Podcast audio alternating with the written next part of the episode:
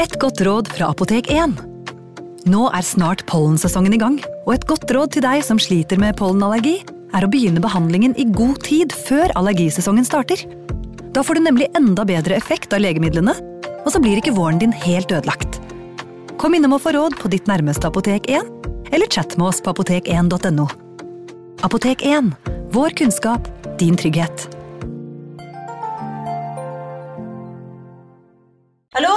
Jeg kommer fra Oslo politikammer. Ine Jansen er purk. Er du purk? The motherfucking bitch. Alt jeg vil, er å finne ut hva som skjedde med mannen min. Jon Carew. Er jeg sikta for noe? Iben Akeli. Det er du. Ole So, Lars Berrum og Big Daddy Karsten. Hvem sin side er du på, egentlig? Anette Hoff, Tone Danielsen, Kommer du fra Afrika? Jørnis Josef, Nesten. Kløfta. Trond Espen Seim, Det er synd å si det, men det var feil mann som døde. Purk. Premiere tirsdag på TV2 Play. Hei! Takk for at du lytter til True Crime Podden dokumentar. Skulle du ønske at du kunne høre en ny episode av denne podkasten hver eneste uke? Vel, da er det bare å laste ned podkastappen Untold med en gang. I tillegg til ukentlige episoder av podkaster som Skrekkpodden, Synderne og True Crime Podden, får du masse annet reklamefritt og eksklusivt innhold. Last ned Untold i AppStore eller Google Play, og start din 30 dagers prøveperiode i dag. you.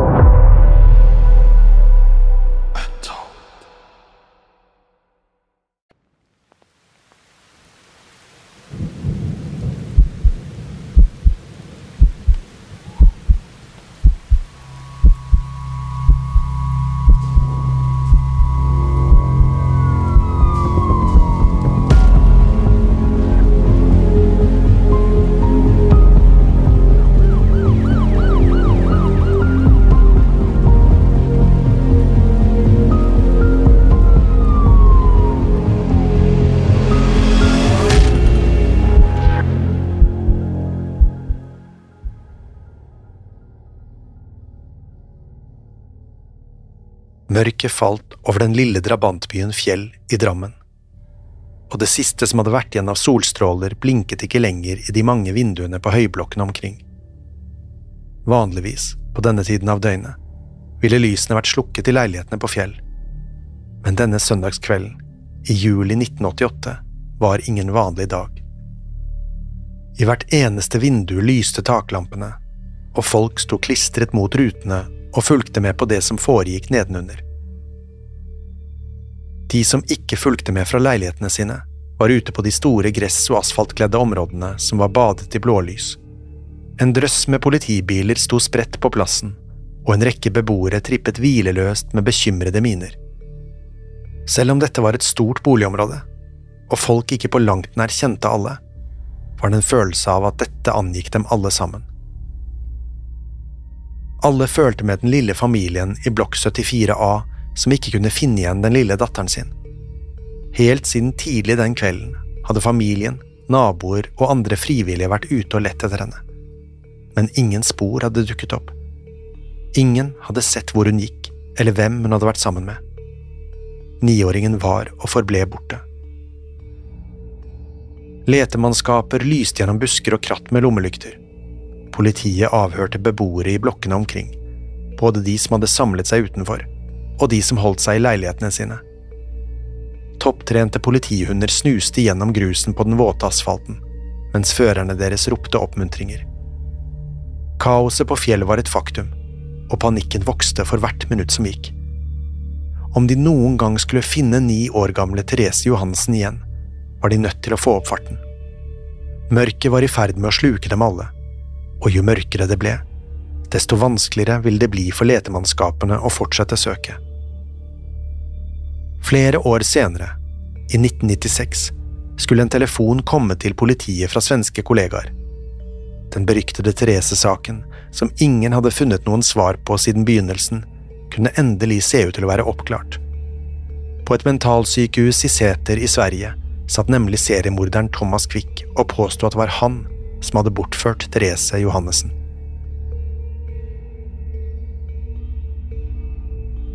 Etter å ha vært inn og ut av psykiatrisk avdeling i årevis på grunn av en rekke overgrep og et væpnet ran, hadde Thomas Quick igjen blitt innlagt.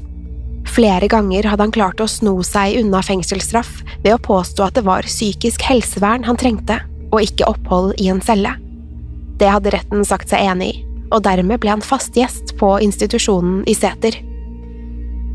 Lenge hadde man ment man visste godt hva Quick hadde gjort. Alle tilfellene av overgrep mot yngre gutter var godt dokumentert og tilstått av Quick selv, og ranet mot en banksjef i Falun hadde de allerede fastsatt at var utført av ham. Det var derfor ingen som hadde regnet med det som skulle komme, da Quick helt plutselig hadde bedt om å få snakke med legen sin, Kjell Persson, om enda mer alvorlige saker. I en lukket samtale hadde Quick nemlig begynt å tilstå helt andre, mye mørkere hendelser. Ifølge Quick selv var han ikke kun en voldtektsmann og en raner, han var en morder. Det hele hadde begynt med tilståelsen av drapet på 14 år gamle Thomas Blomgren i Veksjø da Quick selv hadde vært i tenårene. Innrømmelsen hadde forbauset både politiet og de ansatte på sykehuset. Drapet på Blomgren var nemlig allerede oppklart, så ingen kunne riktig forstå hvordan Quick kunne være involvert. Dessuten var saken foreldet, så Quick kunne uansett ikke straffes for noe. Det skulle likevel ikke bli slutten på Quicks tilståelser. Etter den første innrømmelsen hadde Quicks lepper for alvor løsnet. Plutselig tilsto han å stå bak en av Sveriges største forsvinningsgåter. Etter at elleve år gamle Johan Asplund hadde forsvunnet fra sitt eget hjem i 1980, startet jakten på det politiet mente var en morder. Likevel hadde det ikke dukket opp noen spor som kunne lede til noen oppklaring. Det var helt til Quick tilsto å ha bortført og drept gutten. Denne gangen var ikke saken foreldet, og selv om Quick ikke kunne hjelpe politiet med å finne guttens lik, ble han siktet og en rettssak ble planlagt. Før den kunne finne sted, skulle det likevel komme flere innrømmelser som skulle brenne Quicks navn inn i hodene på mennesker over hele Skandinavia. Quick var nemlig ikke ferdig med å tilstå nye drap, ikke på langt nær. I løpet av 1994 tok han på seg skylden for fire nye drap. Drapene på det nederlandske paret Marinus og Janni Steigehus samt en ung israelsk turist som het Jenon Levi, var blant de Quick tilsto. Dette var grusomme drap som hadde rystet nasjonen da de ble kjent på 80-tallet. Likevel var det en annen sak som opptok folk enda mer, og som Quick stolt hadde tatt på seg skylden for, saken om 15 år gamle Charles Semanowitz. Allerede hadde aviser over hele landet begynt å kalle ham Sveriges første seriemorder. Men tilståelsen av drapet på 15-åringen skulle gjøre ham notorisk over hele Sverige. I november 1976 hadde Charles Selmanowitz vært på skoleball i byen Piteå, nord i Sverige. Han hadde gledet seg lenge til akkurat denne kvelden. Det var fordi han endelig skulle ta motet til seg og be en jente han likte, opp til dans. Det hadde ikke gått helt som planlagt. Etter å ha psyket seg opp i timevis reiste han seg skjelvende fra stolen sin og gikk forsiktig bort til jenta. Til å begynne med hadde hun syntes det var morsomt å danse med Charles, men da han innrømmet at han hadde følelser for henne, hadde stemningen endret seg. På en så vennlig måte hun klarte, hadde hun avslått Charles på stedet. Hun var slett ikke interessert i ham på den måten, noe han ikke tok spesielt bra. Charles var knust og hadde forlatt ballet med det samme. Tårene trillet nedover kinnene hans, der han gikk slukøret hjemover i høstmørket med hendene godt plantet i lommene. Det var da en bil plutselig hadde rullet opp like bak ham. Den som påsto å sitte i akkurat den bilen, var ingen andre enn Thomas Quick. Quick hadde stanset bilen og gått bort til Charles. Da han så at gutten gråt, hadde han spurt hva som var i veien. Charles, som ikke hadde syntes det var noe merkelig at den ukjente mannen kom bort til ham på den måten, begynte straks å greie ut om alt som hadde skjedd på ballet. Kvikk la en arm om gutten og trøstet ham, mens han sa at alt kom til å bli bra. Etter å ha pratet litt sammen, tilbød Kvikk seg å kjøre Charles hjem. Gutten nikket til takk og satte seg inn i baksetet. Det skulle han aldri ha gjort. I avhør hadde Kvikk vært vag om hva de snakket om i bilen, men på et tidspunkt hadde han klart å overbevise gutten om at de skulle onanere sammen i bilen. Charles hadde straks blitt ukomfortabel og bedt om å få reise hjem. Da var det som det svartnet helt for Kvikk. Han grep tak om guttens hals og klemte til alt han maktet. Kvikk slapp ikke taket før Charles lå urørlig igjen i baksetet. Da Kvikk hadde forsikret seg om at gutten virkelig var død, slepte han med seg ut hvor han parterte liket. Levningene hadde han gravd ned under et tynt lag mose, før han skiftet ut de blodige klærne og kjørte de nærmere ni timene hjem til Falun. Senere skulle levningene etter 15-åringen bli funnet i skogkanten, partert slik Quick så mange år senere fortalte. Dette var en ekstremt brutal og nådeløs sak som politiet aldri hadde funnet løsningen på. Nå kunne den kanskje endelig være oppklart. Likevel var politiet nødt til å være sikre. Hvis Quick virkelig var gjerningsmannen i den grusomme saken, måtte det bevises. Derfor tok de med ham på en åstedsbefaring i Piteå. Denne gangen skulle være ganske annerledes enn da Quick hadde forsøkt å vise politiet hvor han hadde gravd ned levningene av elleve år gamle Johan Asplund. Da hadde han ikke klart å finne tilbake til noe som helst, men denne gangen kunne han peke ut eksakt hvor levningene hadde blitt funnet så mange år tidligere. I tillegg viste Quick politiet en stein hvor han påsto å ha sittet da han parterte liket. Dette var nok til at Quick offisielt ble siktet i saken, og nok en gang ble en dato for en rettssak satt.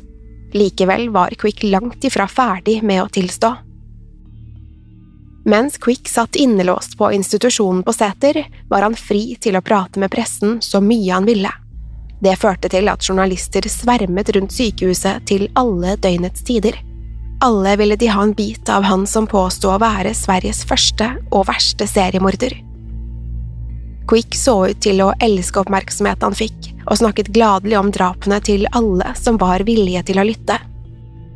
Journalistene satt spente og hørte på de grusomme historiene, og de skulle snart få mer enn de hadde turt å håpe på.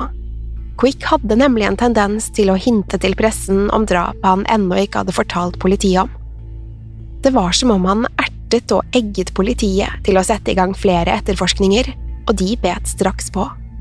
Redde for å overse viktige saker, lot politiet seg lokke, spesielt da Quick hintet til en svensk avis om at han skulle ha tatt livet av hele fem unge barn. Det var ifølge Quick snakk om fire gutter og én jente. Sistnevnte skulle for alvor sette i gang en jakt på tvers av landegrenser, da han tilsto å stå bak norgeshistoriens største og mest omtalte forsvinningssak, gåten om Therese Johannessen, niåringen som forsvant sporløst fra drabantbyen Fjell i Drammen.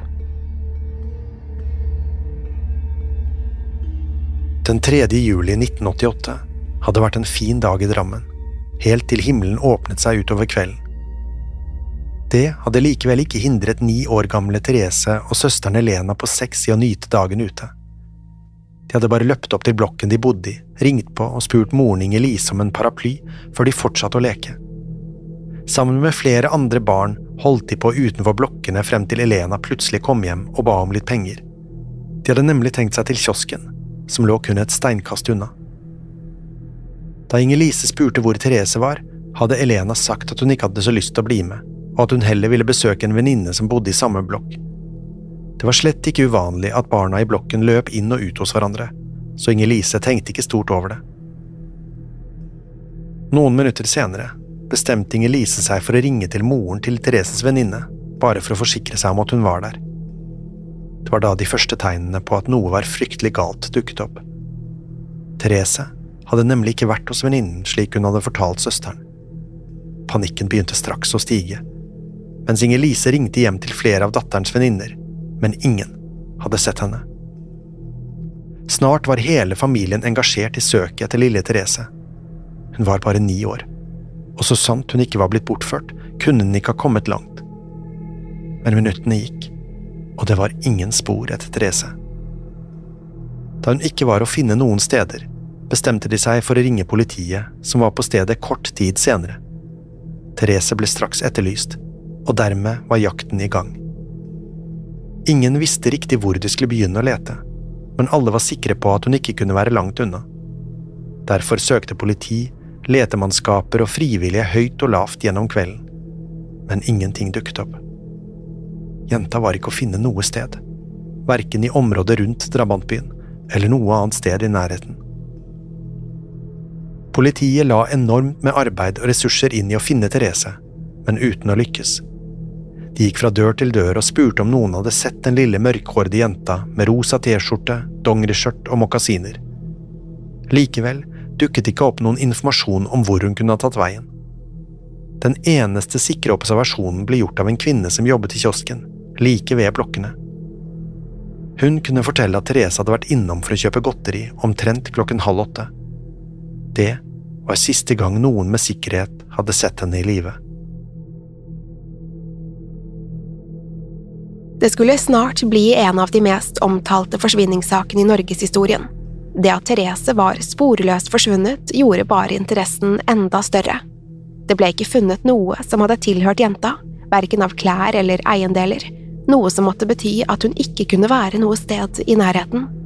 Saken ble blåst opp enormt i alle nyhetsmedier, og snart hadde hele Norge fått med seg at en ni år gammel jente hadde blitt borte fra Drammen. Det var ikke lenger noen tvil. Therese kunne ikke ha vandret av gårde og forsvunnet for egen maskin.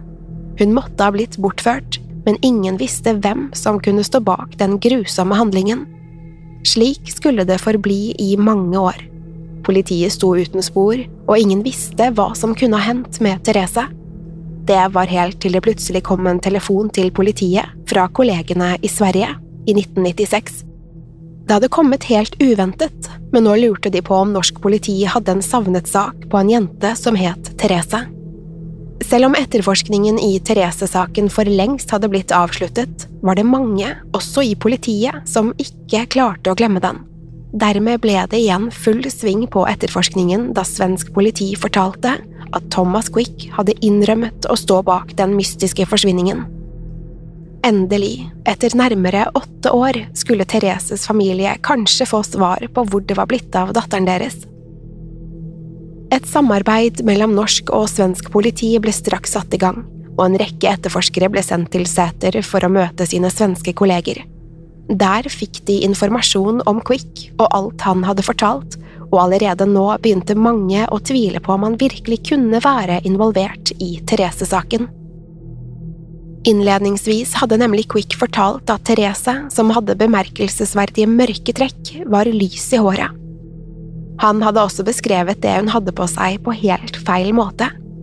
Likevel var det også en del som stemte, deriblant at han hadde bortført henne fra Drammen, at Therese var åtte eller ni år gammel, og at hun hadde et hvitt armbåndsur med rosa eller lyserøde detaljer. Til tross for at Kvikks beskrivelse av Therese var noe vag, ble det bestemt at det skulle foretas en åstedsbefaring i Norge. Kanskje dette kunne sette fart på Kvikks minner, slik at det endelig kunne bli en løsning på den mye omtalte saken. Dermed ble Kvikk tatt med til Norge i april 1996, hvor han selv ble bedt om å finne veien til Fjell i Drammen. I en minibuss full av etterforskere fra både Norge og Sverige, samt Kvikks advokat og psykolog, forklarte Kvikk hvor han hadde kjørt om kvelden den 3. juli 1988. Et par steder på veien hadde han forklart feil, men til slutt hadde han funnet frem til Fjell. Det hadde vært svært utfordrende, da været på ingen måte var med dem den dagen. Tåken lå tykk over hele Drammensområdet, noe som begrenset sikten voldsomt. Likevel klarte Kvikk å navigere seg frem til der han mente han hadde vært da han fant Therese. Da de nådde Fjell, mente Kvikk med det samme at han kjente igjen de mange blokkene, og han ba om at bilen skulle stanse. Her gikk følget ut og begynte å vandre rundt i området med Kvikk som veiviser. Han forklarte hvor han hadde parkert bilen sin, før han ledet dem til en liten sti opp en skråning mot blokkene. Ifølge Kvikk hadde han stått i bunnen av skråningen da han fikk øye på Therese. Plutselig hadde det svartnet helt for Kvikk idet han kastet seg oppover stien, rett mot Therese. Før hun rakk å reagere, hadde han grepet tak i henne og dratt henne med seg nedover skråningen. Der hadde han funnet en jordfast stein som han nådeløst hadde slått Thereses hode mot slik at hun besvimte. Det var ikke godt å si for etterforskerne om det Kvikk fortalte var sant eller ikke, men det skulle snart komme en rekke detaljer som støttet opp om forklaringen. Deriblant mente han å huske at balkongene på blokken foran ham hadde en annen farge i 1988, noe som stemte. I tillegg kunne han huske å ha stått på en plankebit i skråningen da han fikk øye på Therese. Denne plankebiten skulle etterforskerne finne igjen, selv så mange år etter bortføringen. Om dette var tilfeldig eller ikke, var det ingen som visste, men det virket nesten for utrolig at Kvikk skulle få rett i en så spesifikk antakelse. Dermed var det mange i politiet som plutselig var overbevist om at Kvikk måtte være mannen bak Thereses forsvinning. Nå var det bare et spørsmål om hva han hadde gjort med niåringen, etter at han bortførte henne. Før den tid ville politiet vite så mye som mulig om det Quick husket om Therese. Det var da det kom frem en detalj som ingen hadde forventet.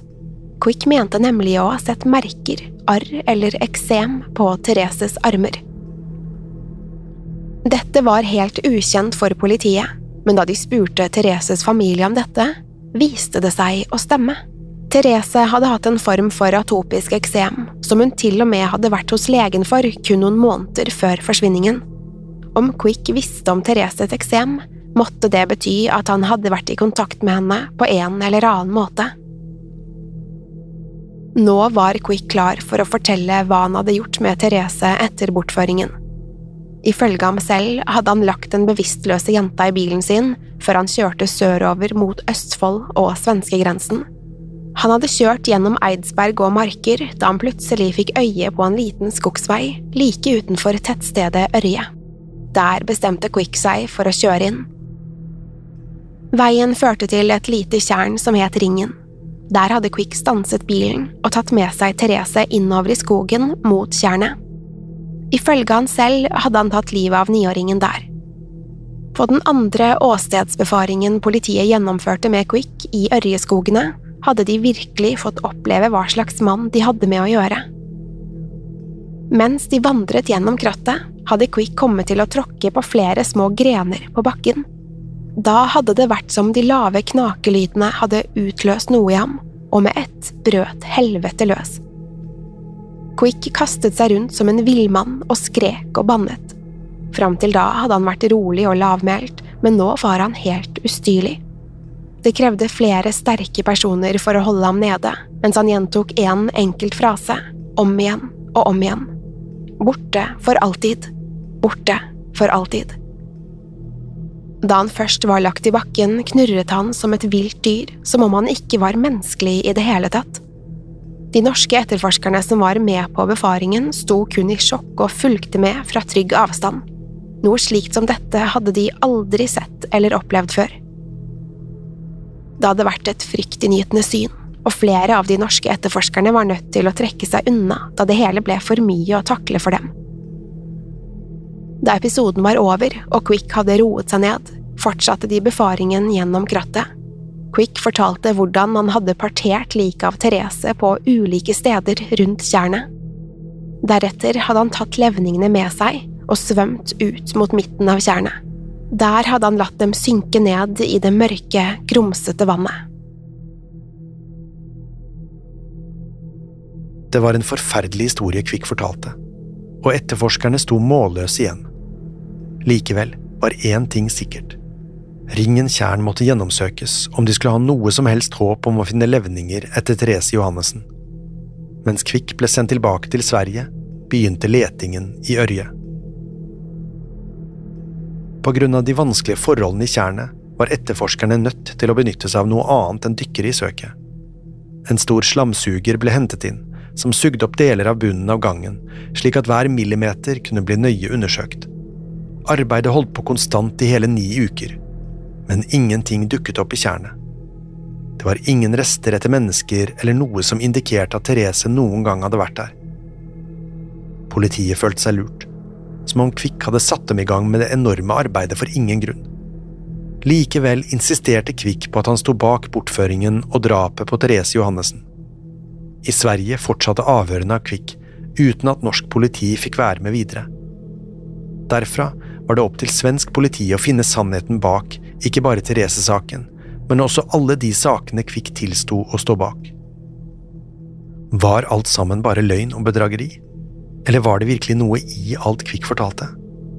Hadde han myrdet alle disse menneskene på brutalt vis? Eller hadde hans forvridde sinn skapt minner som egentlig ikke var der?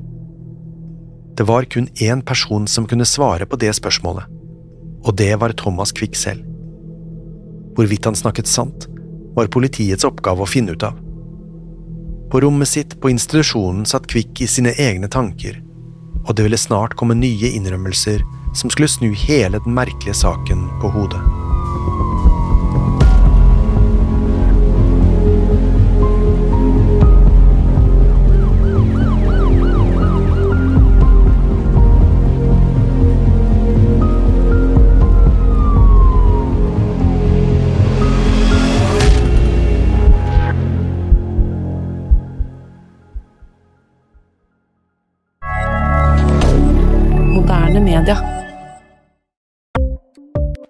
Ukens annonsør er Folio, en smartere banktjeneste for deg som har en egen bedrift eller ønsker å starte for deg selv.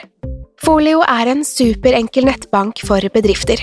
Som kunde i Folio får du en bedriftskonto med et bedriftskort og app. I denne appen er det smarte løsninger som forenkler regnskapet ditt, uansett om du har en liten bedrift eller et enkeltpersonsforetak. Folio er både intuitivt og brukervennlig, og er laget med et enkelt språk. I tillegg tilbyr de forutsigbare priser og ingen skjulte gebyrer. Skulle du likevel trenge det, så kan du snakke med deres raske og hyggelige kundeservice, og der får du prate med en faktisk person og ikke en chatbot. Folio er med andre ord både enklere og koseligere enn banken. Over 10 000 bedrifter har allerede valgt Folio som sin banktjeneste, så besøk folio.no og se hvordan Folio kan forenkle din hverdag også. Har du et enkeltpersonforetak eller en liten bedrift? Da er du sikkert lei av å høre meg snakke om hvor enkelt det er med kvitteringer og bilag i fiken, så vi eh, gir oss her, vi. Fordi vi liker enkelt. Fiken superenkelt regnskap. Kiwi er billigst i VGs matbørs og har vært billigst i fire av de fem siste VGs matbørser. Og nå presser vi prisene på frukt og grønnsaker. På 200 gram broccolini setter vi prisen til 24,90. På 400 gram Cevita blåbær setter vi prisen til 49,90. Og husk, alle Kiwi Pluss-kunder får i tillegg 15% trumfbonus på all fersk frukt og grønt. For det er vi som er prispresserne. Og vi i Kiwi gir oss aldri på pris.